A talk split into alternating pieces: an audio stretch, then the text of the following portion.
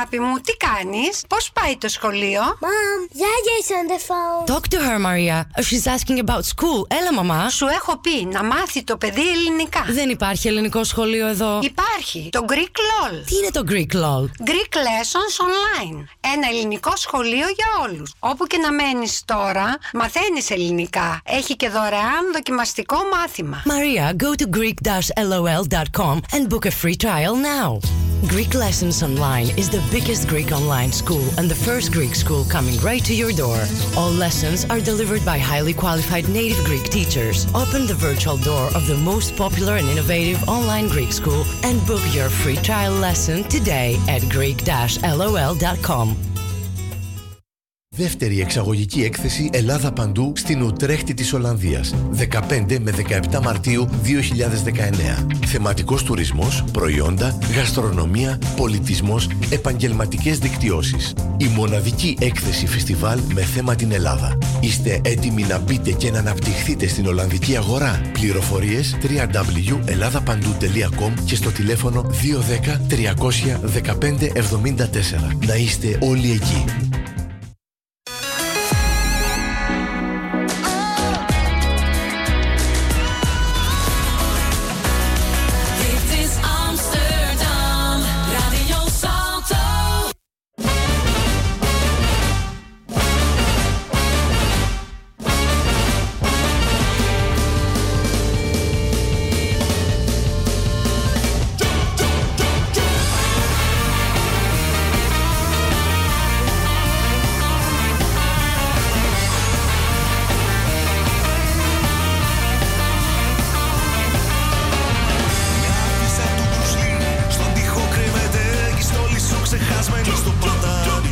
Καλησπέρα από ένα χιονισμένο Άμστερνταμ. Εμείς άλλη μια Πέμπτη εδώ πιστοί στο ραντεβού μας. Εσείς πάλι όπου και αν είστε, ακούτε ασφαλώς Ελλάς Πίνακα στη μόνη ελληνική εκπομπή στα Ολλανδικά FM. Ζωντανά όπως κάθε Πέμπτη 9 με 10 το βράδυ, τοπική ώρα, Ολλανδική. Στο μικρόφωνο του Ράδιο Σάλτο, ο Νίκος Κουλούσιος.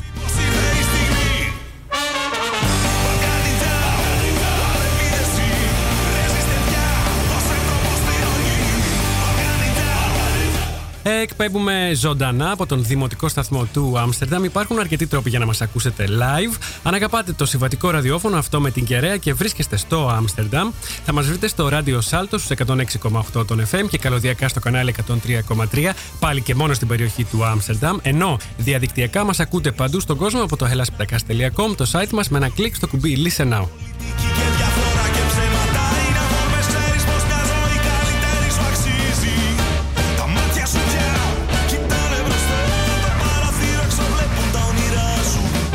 Δίπλο θέμα απόψε στο Hellas Πίνακα. Θα μιλήσουμε για την δεύτερη εξαγωγική έκθεση Ελλάδα Παντού στην Ολλανδία που γίνεται στην Ουτρέχτη 15 με 17 Μαρτίου. Και θα δώσουμε και δύο διπλές προσκλήσεις για το φεστιβάλ, για την έκθεση φεστιβάλ. Ενώ στο στούντιο έχουμε τη Βάσο Μεσαριτάκη και τη Φωτεινή Κατζηλάκη για να μιλήσουμε για την 45η επέτειο ίδρυσης της ελληνικής κοινότητας του Άμστερνταμ και για την εκδήλωση που σχεδιάζουν για να το γιορτάσουμε.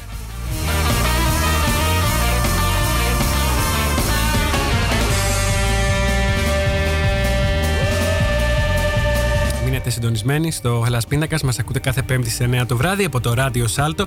Θα μας βρείτε και στο site μας hellaspinacas.com και σε όλα τα κοινωνικά δίκτυα, στη σελίδα μας σε Facebook, Twitter και Instagram. Ενώ για να επικοινωνήσετε μαζί μας ζωντανά, μπείτε τώρα στη σελίδα μας στο Facebook και αποστάρετε το σχόλιο σας ή τις ερωτήσεις σας στη μέση της σελίδας, σαν νέο post ή γράψτε μας μέσω Twitter χρησιμοποιώντας το hashtag Hellaspinacas και hashtag Greeks Netherlands Expo Fest.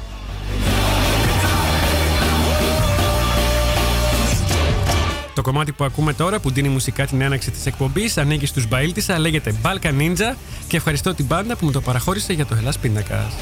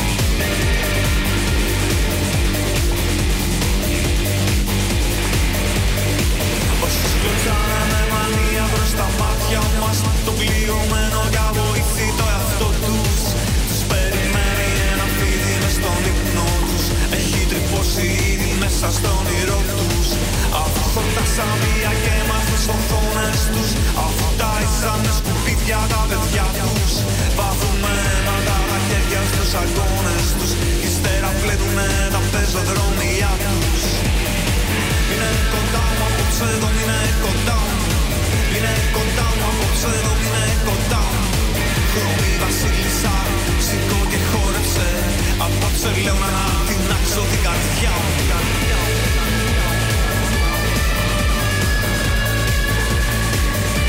Ξεκινήσαμε δυναμικά με το κομμάτι που έγραψε ο Παύλος Παυλίδης για μ, το Ζακό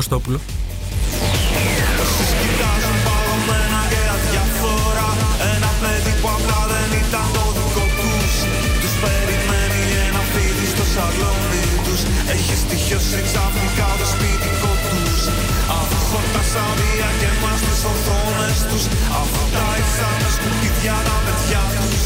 Ανασηκώσαν πάλι αδιάφορα τους ώμους τους Και επιστρέψαν ένα-ένα στη δουλειά τους. Είναι κοντά μου απόψε εδώ είναι κοντά μου. Φυσάει μέσα μου ένα όμορφο αεράκι Χρώμη βασίλισσα Σηκώ και χόρεψε. Τρομάζουνε γιατί σ' αλλιώτικο παιδάκι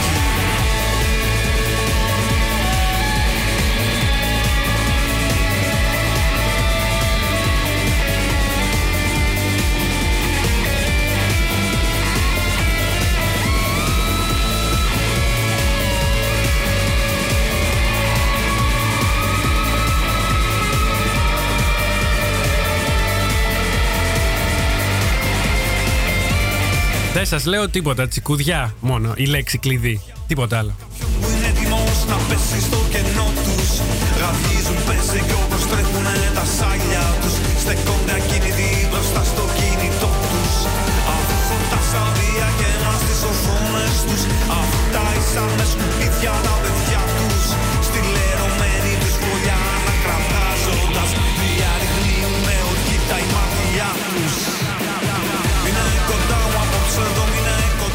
Ένα γρήγορο καλώς ήρθατε στη Φωτεινή και στη Βάσο. Καλώ σας βρήκαμε. Γιατί θα ξεκινήσουμε. Καλησπέρα. Γεια σας, γεια σας. Θα ξεκινήσουμε με το πρώτο μας θέμα που είναι η έκθεση, εξαγωγική έκθεση Ελλάδα Παντού και μετά θα έρθουμε σε εσάς. Οπότε είπα να πείτε ένα γεια. Και επίσης ε, ευχαριστούμε πολύ για την τσικουδιά, τη Βάσο. Παρακαλώ. Μας έκαψε, μας άναψε, ωραία. Ζεσταθήκαμε.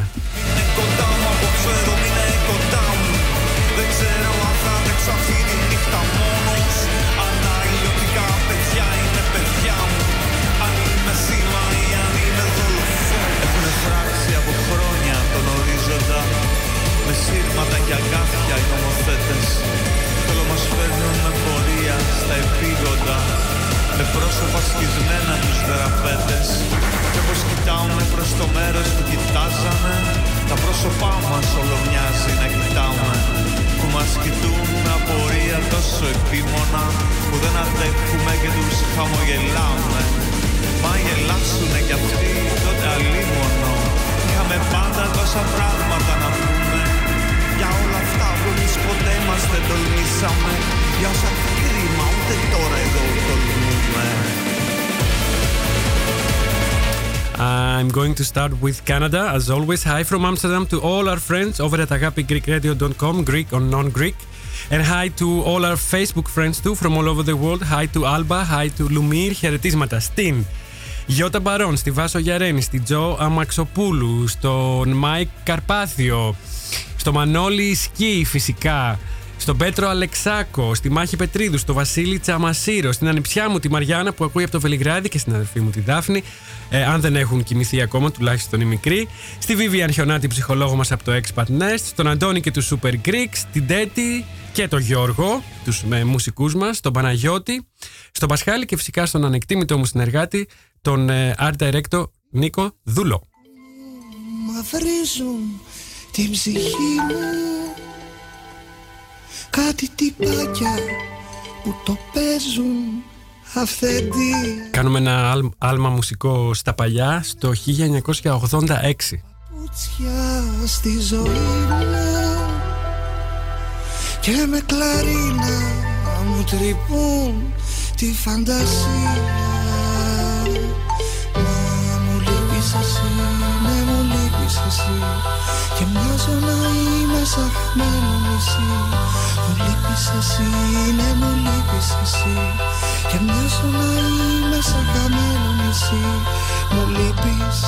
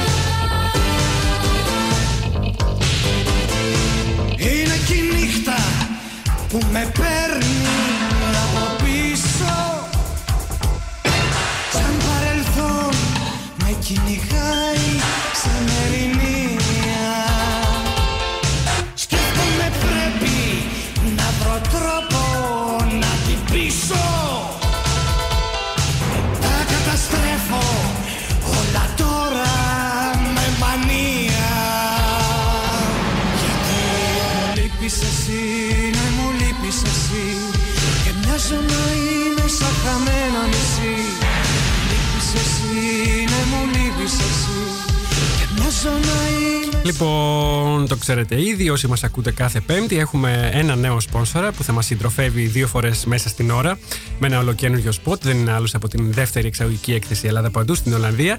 Η εκπομπή μας είναι και επισήμως χορηγός επικοινωνίας του φεστιβάλ. Και αυτό γιατί το Hellas Pindakaas συνεχίζει να στηρίζει το φεστιβάλ Ελλάδα Παντού που φέτος επιστρέφει στην Ολλανδία, στην Ουτρέχτη, ενισχυμένο με νέο φρέσκο πρόγραμμα και πολλές εκδηλώσεις κάτω από ένα νέο τίτλο Ελληνο-Ολλανδική Έκθεση Φεστιβάλ ή αλλιώς δεύτερη εξαγωγική έκθεση Ελλάδα Παντού στην Ολλανδία. Θα λάβει χώρα στην Ουτρέχτη από 15 μέχρι 17 Μαρτίου του 19 φυσικά. Πρόσωπα στιφαγμένα μέσα σε δωμάτια σε τείχους μια βουβή χαλκομανία. Έσπασε η ψυχή μου σε μικρά κομμάτια. Μες του κορμιού σου τη διάφανη λαγνία. Γεια σου Σοφία, Σοφία Σπίνουλα. Μου λείπεις εσύ,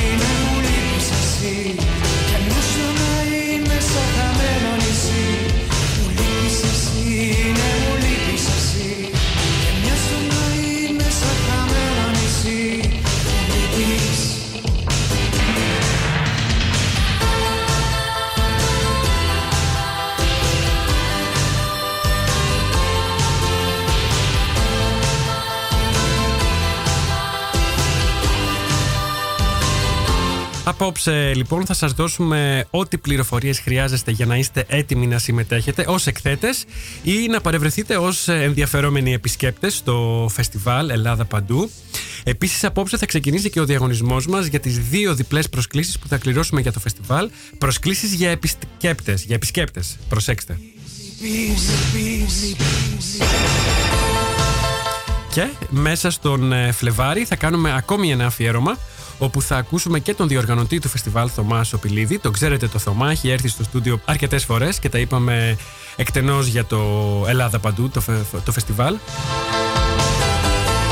Δικής του έμπνευσης.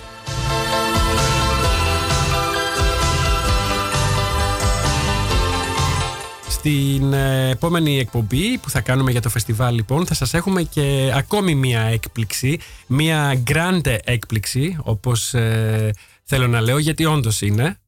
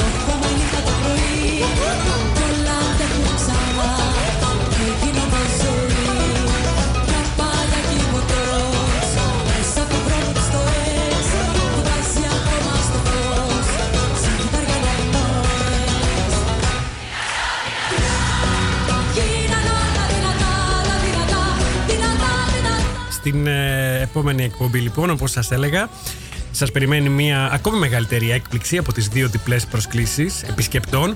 Λοιπόν, θα κληρώσουμε live ζωντανά στην εκπομπή μια δωρεάν εκθετική θέση για το φεστιβάλ αξίας 990 ευρώ παρακαλώ πολύ.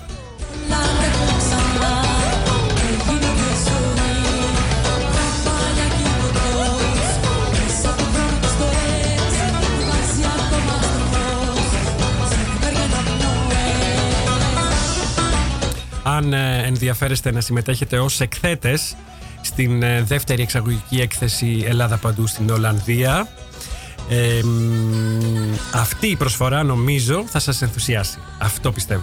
Για να μένω πετάς Ευχαριστώ ιδιαίτερα τον Θωμάς Σοπηλίδη για την ευγενική προσφορά και των προσκλήσεων και της εκθετικής θέσης αξίας 990 ευρώ.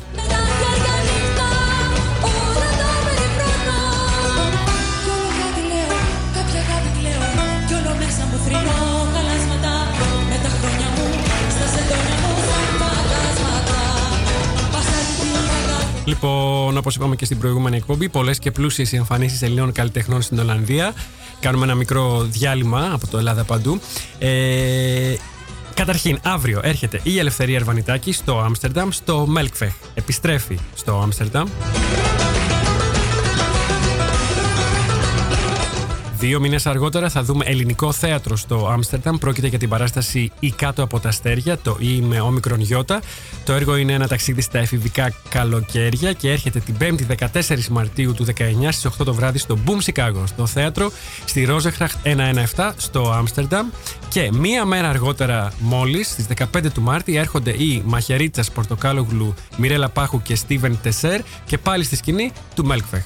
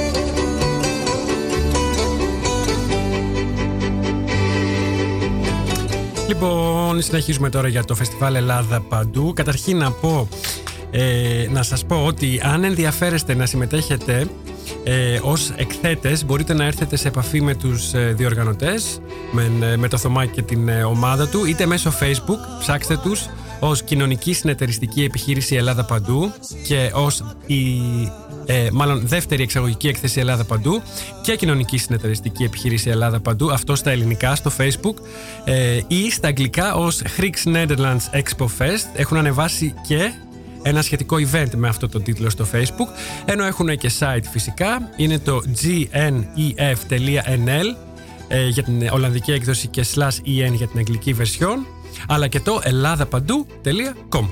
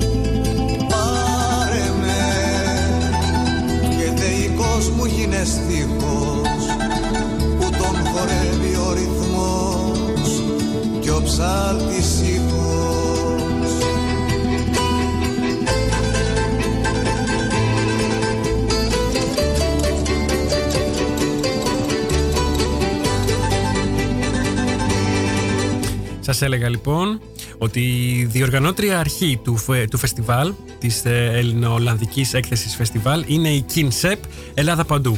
Το σλόγγαν της δεύτερης Ελληνοολλανδικής έκθεσης φεστιβάλ είναι Feel, Taste, Live, Greece. Δηλαδή νιώσε, δοκίμασε, ζήσε Ελλάδα. Και γίνεται όπως είπαμε 15 με 17 Μαρτίου στο εκθεσιακό κέντρο Expo Houten Meidoornkade 24 στο Houten της Ουτρέχτης εδώ στην Ολλανδία. Η έκθεση φεστιβάλ αποτελεί αναμφισβήτητα, αναμφισβήτητα το μεγαλύτερο ελληνοολλανδικό γεγονός της χρονιάς. Το θέμα της έκθεσης είναι η Ελλάδα, οι εμπορικές σχέσεις και ο διαπολιτισμικός διάλογος μεταξύ Ελλάδας και Ολλανδίας.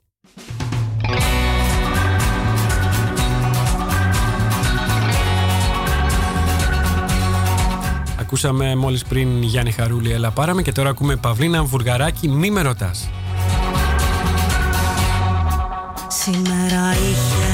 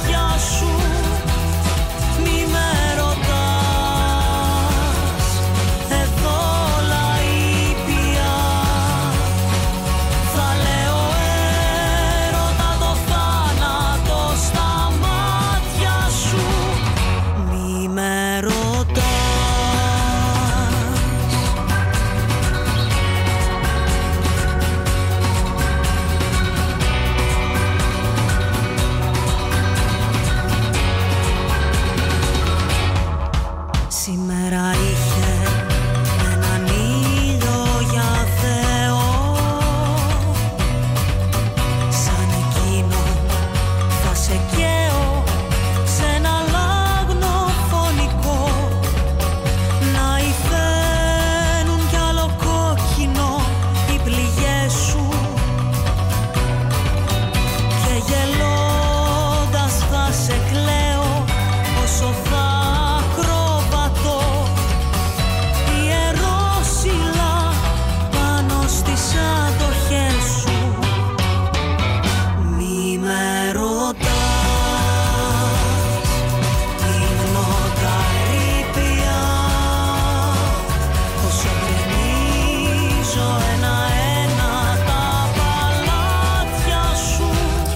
έλεγα για το θέμα της έκθεσης. Πιο συγκεκριμένα, η Ελληνοολλανδική Έκθεση Φεστιβάλ έχει τις εξής θεματικές ενότητες. Η πρώτη είναι προϊόντα, δηλαδή τρόφιμα, ποτά και γενικό εμπόριο.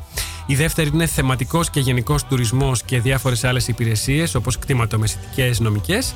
Και η τρίτη θεματική ενότητα είναι πολιτισμός και δημιουργικές βιομηχανίες, δηλαδή γαστρονομία, μουσική, χορός και τέχνες. Ζω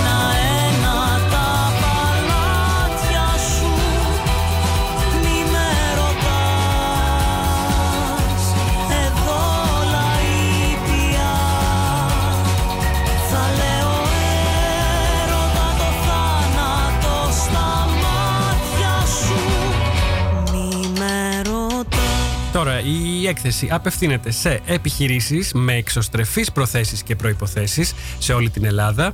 Επιχειρήσεις που αναζητούν διάβλους ε, δικτύωσης, προώθησης και διαφήμισης στην Ολλανδία. Η έκθεση επίσης απευθύνεται και σε θεσμικούς φορείς που επιθυμούν να προβάλλουν την άειλη πολιτιστική κληρονομιά, τα τοπικά προϊόντα, τον θεματικό τουρισμό και άλλα αγαθά σε Ολλανδούς και Έλληνες της Ολλανδίας. Αν συμμετέχετε ως εκθέτες, θα έχετε τη δυνατότητα λιανικής πώλησης απευθείας στο Ολλανδικό κοινό, δηλαδή στους επισκέπτες της έκθεσης, υπό κάποιες προϋποθέσεις βέβαια, και φυσικά ως εκθέτες θα έχετε πρόσβαση στις business-to-business συναντήσεις που θα πραγματοποιηθούν με τοπικούς εμπορικούς και επιχειρηματικούς παράγοντες.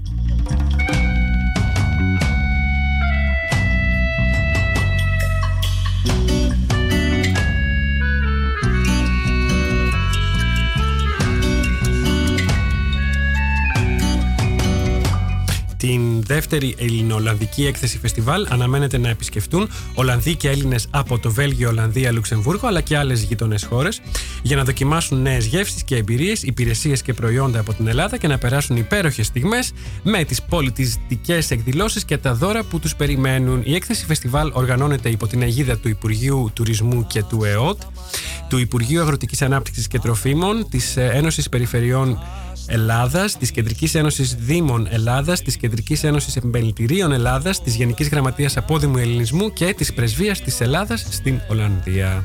Άστα τα μαλάκια σου ανακατωμένα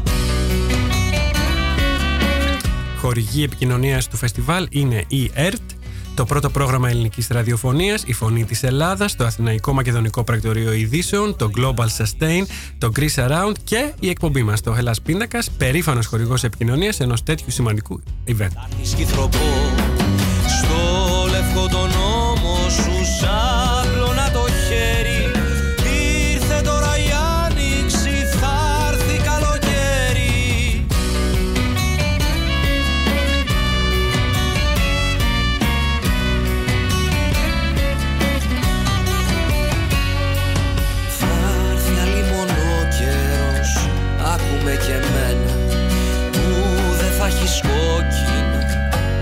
σαν φωτιά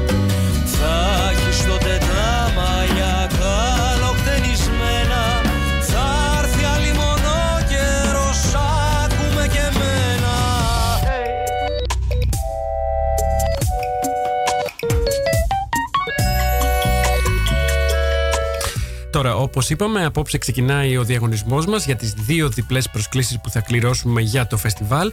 Προσκλήσεις για επισκέπτες είναι αυτές, όχι το άλλο, το Grande που σας έλεγα πριν. Όποιος ενδιαφέρεται για τις δύο διπλές προσκλήσεις για την δεύτερη Ελληνο-Ολλανδική έκθεση φεστιβάλ μπορεί να στείλει ένα email στο hellaspindakas.gmail.com που είναι το email της εκπομπής με το όνομα, το επίθετο και το τηλέφωνό του. Σημαντικά και τα τρία να τα προσθέσετε, όνομα, επίθετο και τηλέφωνο μαζί με το email που θα στείλετε στο hellaspindakas.gmail.com Στην επόμενη εκπομπή που θα κάνουμε για το φεστιβάλ μέσα στο Φλεβάρι θα κάνουμε την κλήρωση για να βγάλουμε τους δύο τυχερούς ή τις τυχερές που θα πάρουν τις διπλές προσκλήσεις. Θα σου πουν χιλιές φορές Χίλια σ' αγαπώ Κι ύστερα φθινόπορο Θα έρθεις σκυθροπό Άστα τα μαλάκια σου ανακατωμένα Άστα να ανεμίζουνε στην τρελή νοτιά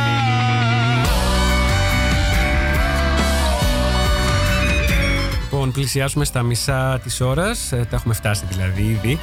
Ε, πάμε σιγά σιγά να ακούσουμε μ, ένα κομμάτι που λέγεται Delivery, γραμμένο από το Σταμάτη Κραουνάκη, για να επιστρέψουμε και να μπούμε στη συζήτησή μας με τις δύο καλεσμένες μου εδώ στο στούντιο, την ε, Φωτεινή και τη Βάσο.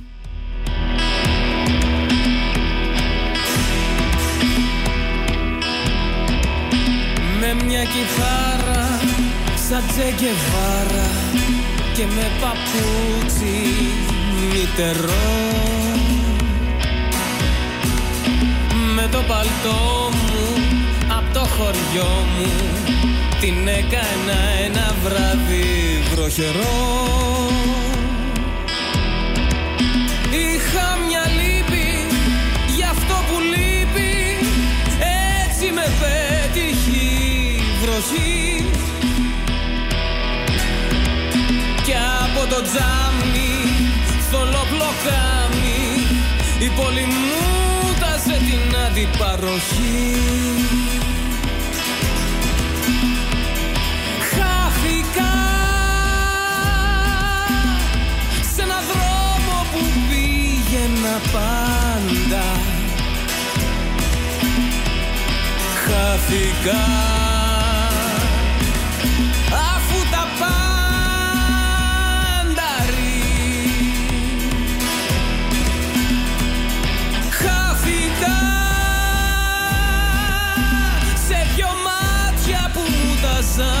για πάντα.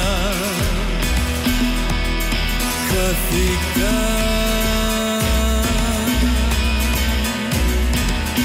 Γράψε delivery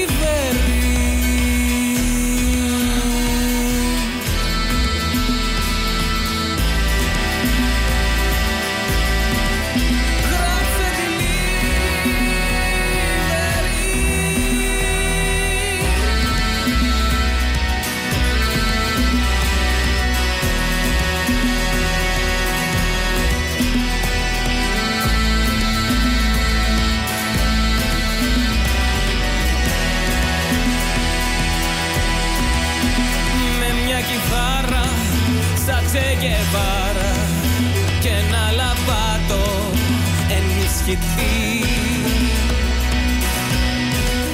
Έκοβα βόλτες με κάτι πόντες και ένα φευγάτο ποιητή. Ήμουνα χάι, μότι σκορπάει έτσι με βρήκε η αστραπή. Και φάγα φόλα,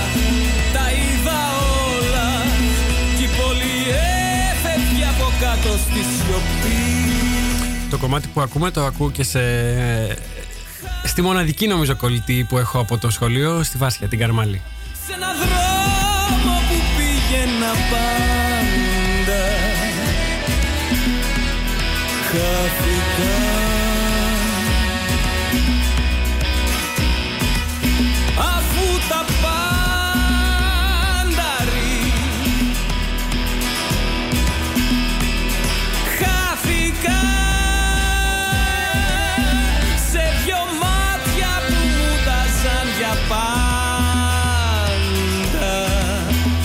Αυτό είναι το Delivery, το κομμάτι του Σταμάτη Κραουνάκη. Λοιπόν, πάμε τώρα στις καλεσμένες μου εδώ στο στούντιο και πάλι καλώς ήρθατε.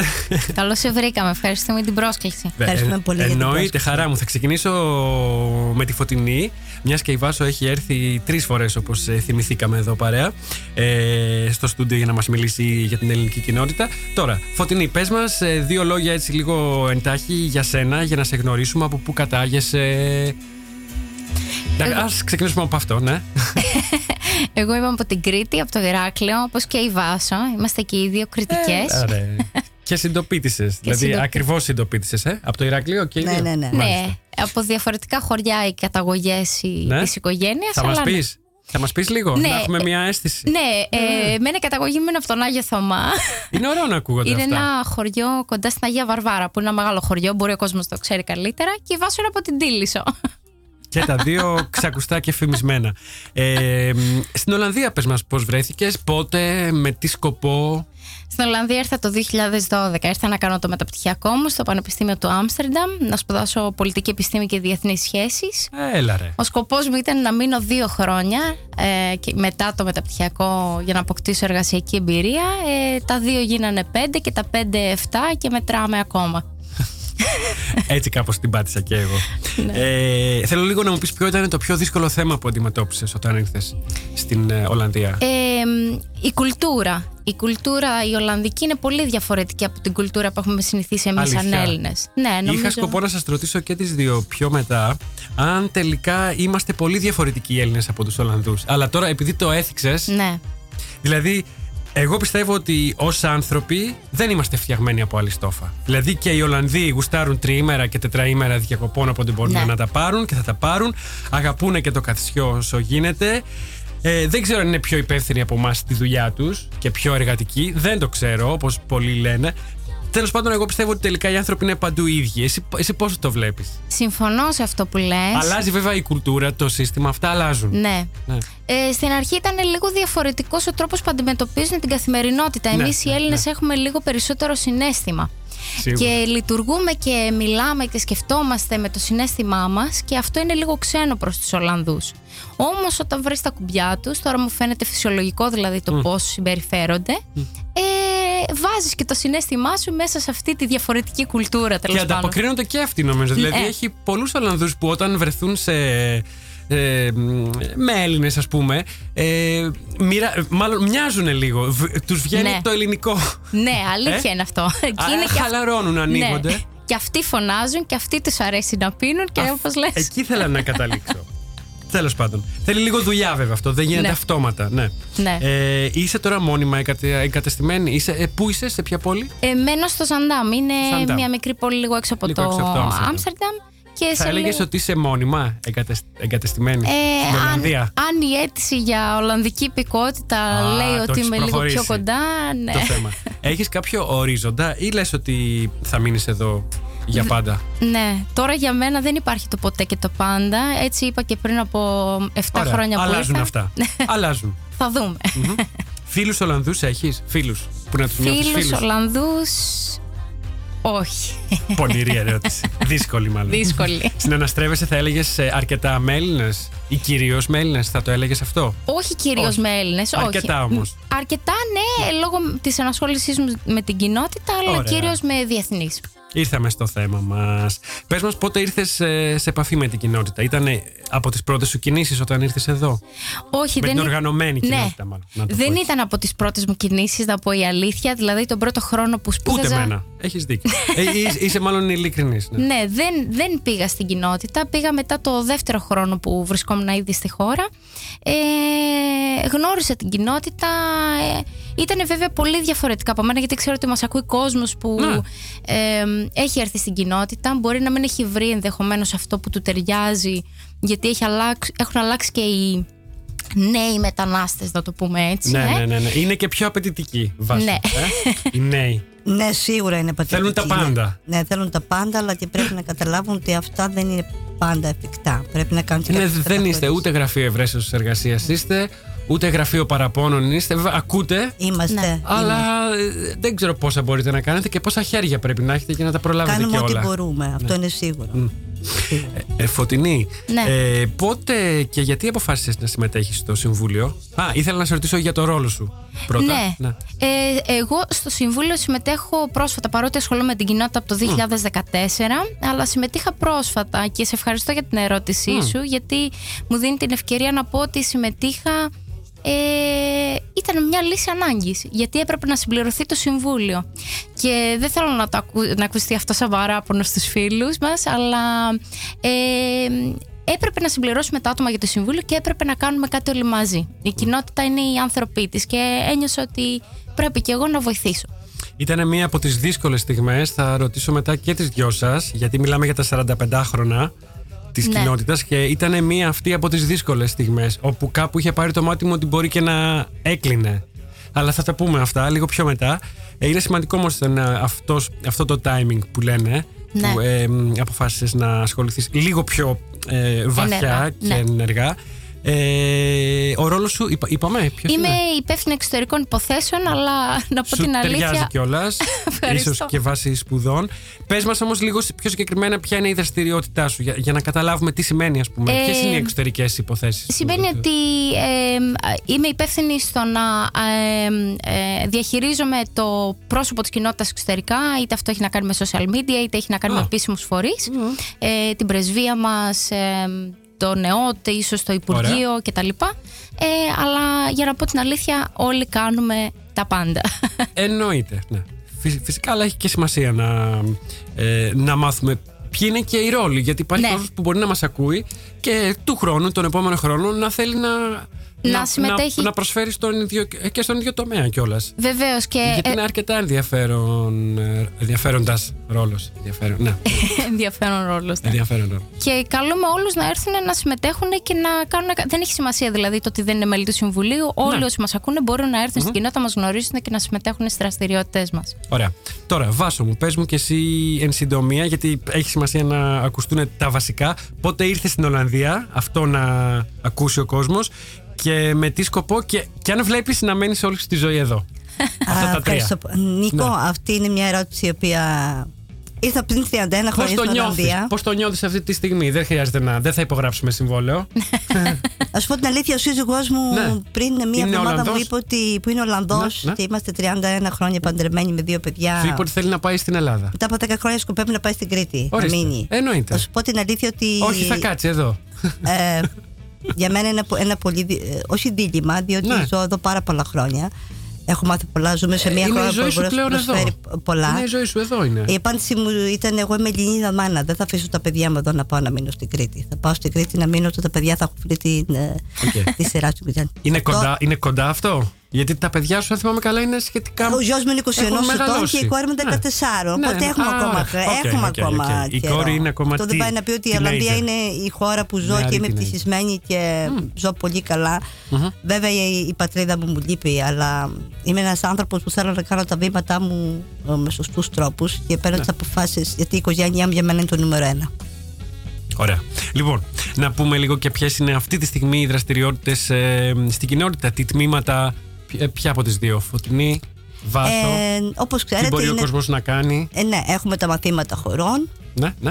ε, τα οποία μπορεί να πάρουν μέρος ε, με το 2PR. Μμμ, μμμ. Η Μαριάννα η Φωτιάδου και ο Χρήστος ο Παστράς που έχουν στήσει μια πολύ ωραία ομάδα. Πάρα πολύ ωραία ομάδα. Έχουν έρθει εδώ τουλάχιστον δύο-τρεις φορές. Ναι. Τα παιδιά. άτομα και μια ομάδα που Καταπληκτική μας δουλειά. υποστηρίζουν πάρα πολύ και Έτσι. επίσης έχουμε τα μαθήματα χωρών με, την, με το Μανώλη και τη Λεοντίν τους Μα- οποίους ναι. τους είχες καλεσμένους Ναι, πριν ναι, ε, ναι, ναι, μερικές ναι, ναι, ναι, εβδομάδες. ο Μανώλης, ο Ο οποίος ο Τι Μανώλης ωραία. έχει ξεκινήσει ένα τμήμα για τα παιδάκια και θα ήθελα πάρα πολύ να καλέσω τους γονείς που έχουν παιδάκια και ενδιαφέρονται Κάθε να πότε έρθουν είναι; να ακολουθήσουν μαθήματα κάθε δεύτερη Κυριακή. Ωραία. Οι οποίοι μπορούν να βρουν τις πληροφορίες και στην ιστοσελίδα. Μμμ.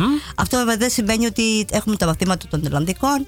Ναι. Ε, ελληνικών τμήματων θα ξεκινήσουμε σύντομα. Ε, έχουμε και άλλα πλάνα. και Ναι. Θέλουμε να κάνουμε ακόμα περισσότερα. Σιγά σιγά. Τώρα, για να συμμετέχει σε όλα αυτά κάποιος, ε, αρκεί μόνο να είναι μέλος και να έχει πληρώσει το Ναι. ετήσιο, Ναι. ο- την Ναι. συνδρομή, την ετήσια Ναι. συνδρομή; Όταν είσαι μέλος, Ναι. ε, το οποίο είναι ετήσια συνδρομή 40 ευρώ και όπως ξέρετε από αυτό το είναι, κομμάτι δεν είναι και υποστηρίζεται κανένα, οικονομικά η δεν είναι και κοινότητα. κανένα τεράστιο ποσό για ένα Όχι. χρόνο; Όχι, δεν είναι λέμε τεράστιο και την ποσό αλήθεια. και σε ευχαριστώ πολύ που μου δίνεις τη δυνατότητα Ε, να, βέβαια. ε, Μα- να πω και μα- κάτι μα πώς θα περισσότερο. ότι συντηρηθεί; Η, η κοινότητα Πώς θα χρειάζεται οικονομική συντηρηθεί; υποστήριξη. Ε, μα βέβαια, τι, από, Ναι. από μόνη της. Ναι. Είναι πολλά τα έξοδα, κάνουμε ό,τι μπορούμε. Ευχαριστούμε όλους τους ανθρώπους που μας στηρίζουν. Ναι. Αλλά Μμμ. ε, τα μέλη μας είναι ένα μεγάλο σημαντικό κομμάτι εισοδήματος. Εννοείται, ναι. ναι. Και, τους πρέπει να, ευχαριστούμε και, γι' αυτό. και πρέπει να πληρώνετε και τους, ε, όσους έρχονται εκεί και παραδίδουν μαθήματα. Ναι. Είναι, είναι- έχετε έξοδα. Το ενίκιο. Πέραν του ενοικίου και, και, και, όλα, και όλα αυτά. Λοιπόν, είμα- είναι, είναι η κοινότητα στο, στην Β' Κάτε ένα, 111. ναι. Ωραία. Ναι. Κα- Καλά το θυμάμαι. Τώρα, 45 χρόνια μετρά η ελληνική κοινότητα. Ναι. Ε, ας ξεκινήσουμε από τα δύσκολα. Ε, μάλλον όχι. Ας πούμε πόσα μέλη έχει αυτή τη στιγμή η κοινότητα. Το ξέρουμε; Πε- Ε, περίπου. Ναι, έχουμε περίπου. Εγγεγραμμένα στα... που λέμε. Εγγεγραμμένα, ναι. Έχουμε περίπου στα 200 μέλη, παρότι φυσικά ο αριθμός των ανθρώπων που Ναι. εξυπηρετεί η κοινότητα είναι πολύ μεγαλύτερος. Και σε ευχαριστούμε ξανά που ανέφερες το Ε, θέμα των βέβαια. συνδρομών, Ε, μα γιατί τι. είναι σημαντικό. Ωραία. Ε, οι 200 του Λεωνίδα της ελληνικής κοινότητας. Πώς μπορεί να γίνει κάποιος ε, μέλος, έρχεται και σας Ναι. βρίσκει εκεί. Μπορεί να περάσει από το χώρο της ελληνικής Ναι. κοινότητας και να γίνει μέλος ή μπορεί να βρει τα στοιχεία του αριθμού λογαριασμού στο facebook και στο website Ωραία. μας και να γίνει μέλος Έχετε- καταβάλλοντας. Ναι, έχετε κάνει πολύ καλή δουλειά και με, το, και με την ε, παρουσία σας ε, στα social media και με το site που είναι 50-100 φορές καλύτερο σε σχέση με ας πούμε 5 χρόνια πριν, Αν μου 10 χρόνια επιτρέψεις πριν. να συμπληρώσω κάτι σε αυτό, αυτό Ξέρω το τι θα χρωστάμε πεις. στην Άντια και στον Εννο- Νίκολα. Οι εννοείται. οποίοι έχουν ρίξει Εννοείται. πάρα πολύ δουλειά Φυσικά. και φυσικά η, η ιστοσελίδα μας δεν θα ήταν αυτό που είναι Ναι. σήμερα χωρίς τη δικιά τους τη βοήθεια και Καλά την κάνεις εθελοντική και τα τους λες. δουλειά. Τους Λοιπόν. ευχαριστούμε πάρα πολύ για αυτό Έτσι. το κομμάτι. 45 χρόνια ελληνική κοινότητα. Πέρασε δύσκολες στιγμές. Ποια ήταν η πιο δύσκολη, πιστεύεις, Βάσο. που Ε, είσαι- που είσαι προσωπικά το χρόνο που- Βάσο, είσαι από την αρχή εκεί; Όχι, είμαι Όχι, εδώ και έτσι. τέσσερα χρόνια. Ε, Όχι, εννοώ. στο Συμβούλιο, ε, αλλά τη κοινότητα γιατί την είσαι γνώρισα 31 όταν. χρόνια, μου είπες. Πόσα χρόνια είσαι εδώ; Εδώ είμαι 31 χρόνια στην Ναι. Ολλανδία ζω, αλλά η κοινότητα μπήκε στη ζωή μου σαν κομμάτι Ναι. το οποίο μπήκα μέσα να Μόνο βοηθήσω τα τα μελλοντικά τελευταία τέσσερα τέσσερα. χρόνια, αλλά την ήξερα και πιο μπροστά, απλώς δεν είχα πολλές επαφές. Ωραία, μάλιστα.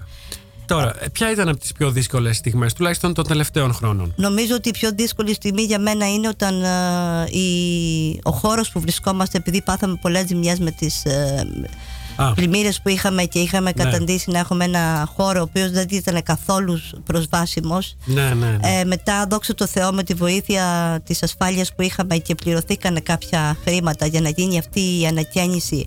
Και θα ήθελα, σε παρακαλώ, πολύ να αναφερθώ σε μερικούς Ναι. ανθρώπους που βοηθήσαν σε αυτό το έργο. Μμμ. Πρώτα-πρώτα ήταν η προσωπική δουλειά που ρίχνεις, όχι μόνο η δικιά μου, Ναι. η δουλειά των εθελοντών. ναι. Ε, και επίσης ο, ο Χρήσος ο Ευθυμού, Ευθυμούδης, ο αρχιτέκτονας, όπως ξέρετε, κάναμε κάποια ανακοίνωση να βοηθήσει κάποιος και να μας δώσει κάποιο πλάνο πώς θα μπορούσαμε να ανακοινήσουμε αυτή τη κοινότητα και τι θα μπορούσαμε να κάνουμε. Πραγματικά είμαστε πολύ περήφανοι για το αποτέλεσμα που έχουμε φέρει, γιατί είναι υπέροχη.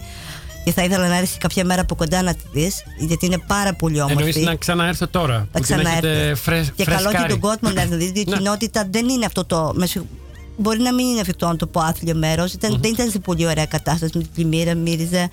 Ε, κάναμε την ανακαίνιση, ρίξαμε πολύ προσωπική δουλειά. Μιλάμε ανθρώποι οι οποίοι περάσαν 70 ώρες την εβδομάδα. Θέλω να π- αναφερθώ σε μερικά άτομα από Ναι, τους ακούμε, εθελοντές. ακούμε. Μμμ.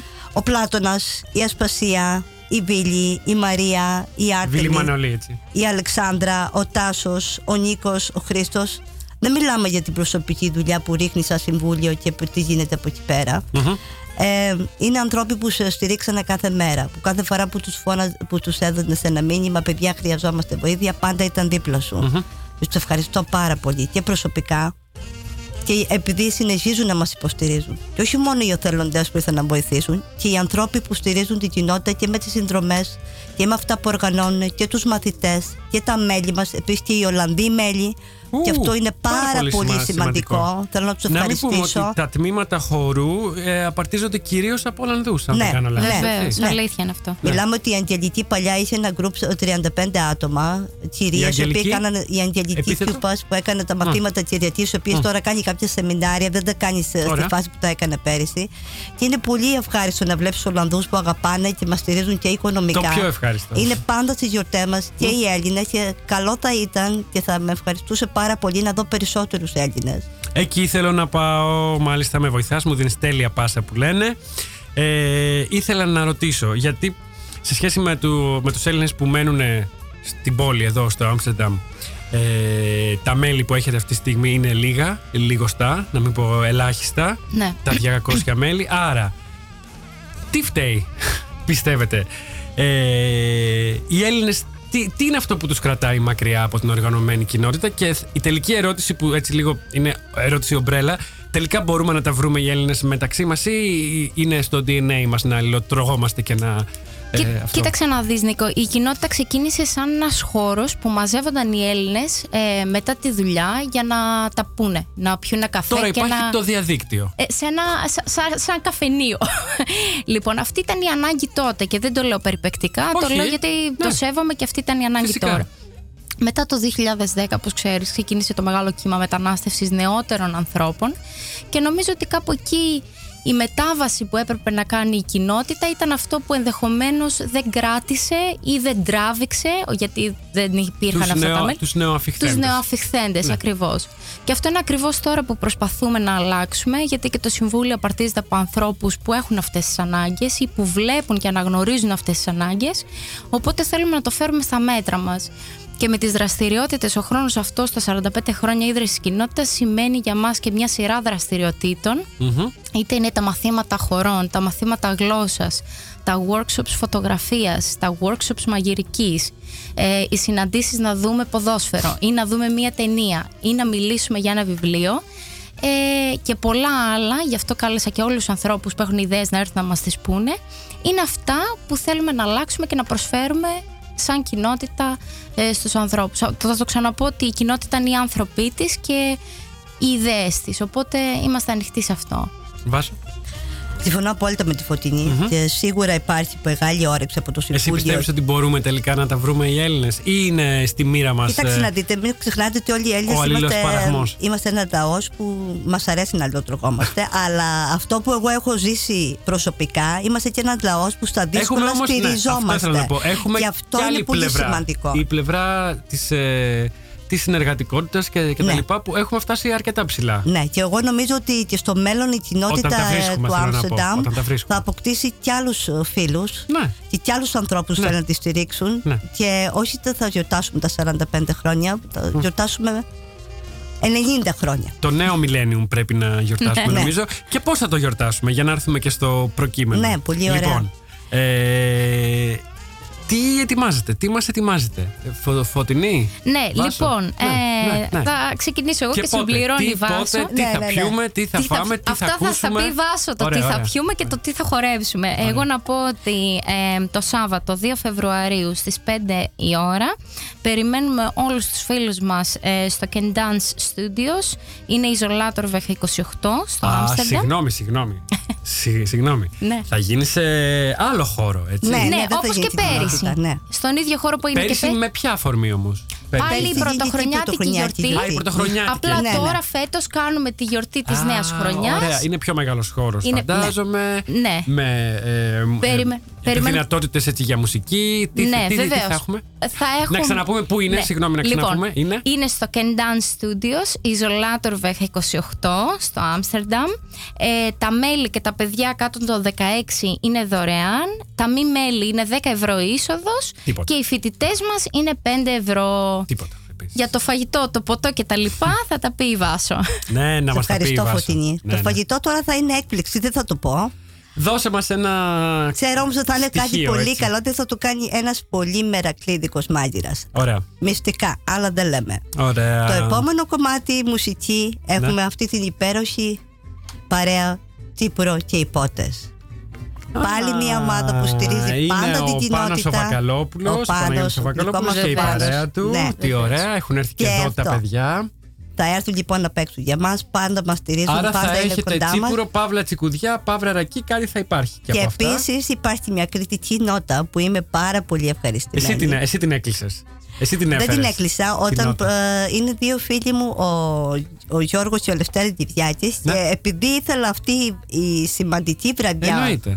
Ε, που γιορτάζουμε και Να τα έχει 45 και κριτική λύρα μια μέσα. κριτική νότα Ε, μα βέβαια, και σου τι. υπόσχομαι κάτι ότι η, η χρονιά που μας έρχεται θα έχει κι άλλη κριτική Πολύ νότα Κρήτη μέσα. Αλλά Ωραία, αυτό ωραία πάλι τα είναι νέα. ένα μυστικό το οποίο δεν θα Ωραία το. τα Αυτό νέα που σας. ξέρω είναι ότι θα περάσουμε υπέροχο. Με τσίπουρο, όπως είπες, με τσικουδιά, με καλό φαγητό και την καλύτερη παρέα που υπάρχει. Οι Έλληνες και οι Ολλανδοί, τα μέλη μας, οι φίλοι της κοινότητας. Έτσι είναι. Ελάτε να χορέψουμε, να διασκεδάσουμε. Και Έχω, να... έχω μία εντύπωση ότι οι γιορτές της ελληνικής κοινότητας είναι από τα highlights που λέμε και στα, στα ελληνικά. Ναι. Που λέγανε και στο χωριό μου. Ότι είναι από τις δυνατές στιγμές Ναι. Ναι. των Ελλήνων εδώ. Γιατί κάτι μουσική, κάτι Ναι. ότι ας πούμε δεν έχεις ε, να συζητήσεις ας πούμε για παράδειγμα ε, ε, για κάτι ε, Ναι. που θα σε χωρίσει με τον άλλον για πολιτικά, για οτιδήποτε ενώνουν, ενώνουν ό- όλα αυτά και είναι νομίζω η κοινότητα στα καλύτερά της οι Δεν ξέρω πώς γιορτές. θα ακουστείς σε έναν Ναι, Νίκο, ναι. πάντως εμένα αυτό είναι που με φέρνει πιο κοντά στην Ελλάδα. Μα βέβαια, Είναι είναι, ένα είναι, κομμάτι. ίσως και αυτό που μας λείπει εδώ Ίσως, Ναι. ναι. Ε, Σίγουρα, Το να βρισκόμαστε. σίγουρα. Να τα πίνουμε, να ακούμε αυτό, να χορεύουμε. Σωστά. Εγώ θυμάμαι στο πάρτι που είχε γίνει.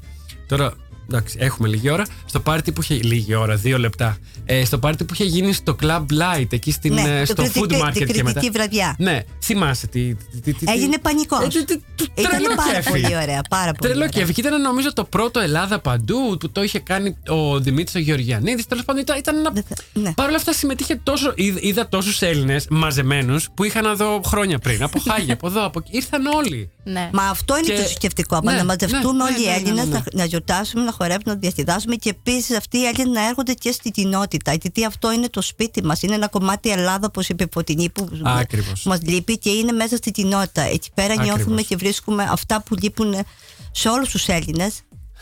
Ναι. Και είναι ένα ένας Δεν- πολύ ωραίος δεν θα χώρος και είμαι μπορούσαμε σίγουρη ότι θα τον αγαπήσουν και να θα και κλείσουμε το σεβαστούν καλύτερα. και θα περάσουμε πολύ ωραίε στιγμές στο μέλλον. Χαίρομαι. Λοιπόν, φτάσαμε στο τέλος. Ευχαριστώ τη Φωτεινή και τη Βάσο, τη Βάσο και τη Φωτεινή. Ευχαριστούμε εμείς, Νίκο. ε, που βρεθήκατε εδώ μαζί μου απόψε και μοιραστήκατε όλα αυτά τα ωραία της εμπειρίας σας ε, για την ελληνική κοινότητα και όχι μόνο εδώ του Άμστερνταμ. Να είστε όλοι εκεί όσοι Νίκο, μας ακούτε και μπορείτε μπορώ να σε Ναι, ναι, διακόψω ναι, για κάτι; Γρήγορα. Ναι, επειδή έχουμε πολύ κόσμο που περιμένουν, ε, που, που περιμένουμε στη γιορτή, Α, θα ναι. θέλαμε να στείλουν τα μηνύματά τους για να κάνουμε κρατήσεις, γιατί δεν ξέρουμε αν θα μπορέσουμε να ωραία. Φιλοξενήσουμε όλους. Πού, πού; Ε, θα το Στο στείλουν Facebook? στο, στο, ή στο facebook ή στο info at elnes.nl Σούπερ. Λοιπόν, ε, να είστε όλοι εκεί και στην Ελληνοολλανδική Έκθεση Φεστιβάλ και στη γιορτή για τα 45 χρόνια της ελληνικής κοινότητας του Άμστερνταμ 2 Φλεβάρι στο Gdansk, πώς το λέμε; και Dance Και Dance Studios. Studio. Λοιπόν, κάπου εδώ σας λέμε Χουιενάχ. Θα μας ε, ακούσετε και πάλι την επόμενη Πέμπτη στις 9 το βράδυ. Την ερχόμενη Πέμπτη 31 του μήνα θα έχουμε στο στούντιο την Μεράλ Τουγκά Άρη και τον Τάκη Γραμματικόπουλο από το μουσικό σχήμα το Buzz. Μέχρι την επόμενη Πέμπτη να είστε καλά και να περνάτε ακόμα καλύτερα. Καλό Παρασκευό Σαββατοκύριακο σε όλους. Το Folgende Care. Ντουντουι. Τρίτος κόσμος, πύραυλη και δυόσμος Μέσα σε έναν κόσμο που δεν έχει χώρο για μας. Μέσα σε έναν κόσμο που δεν έχει χώρο για μας. Τις καρδιές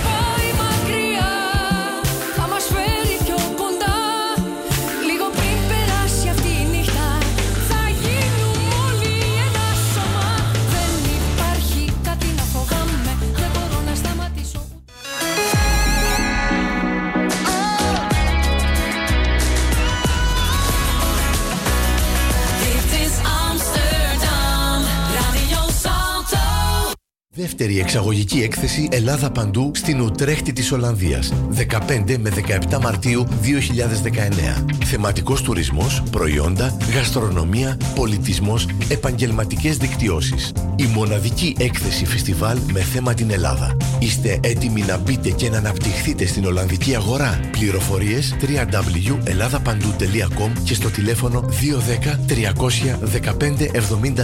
1574 Να είστε όλοι εκεί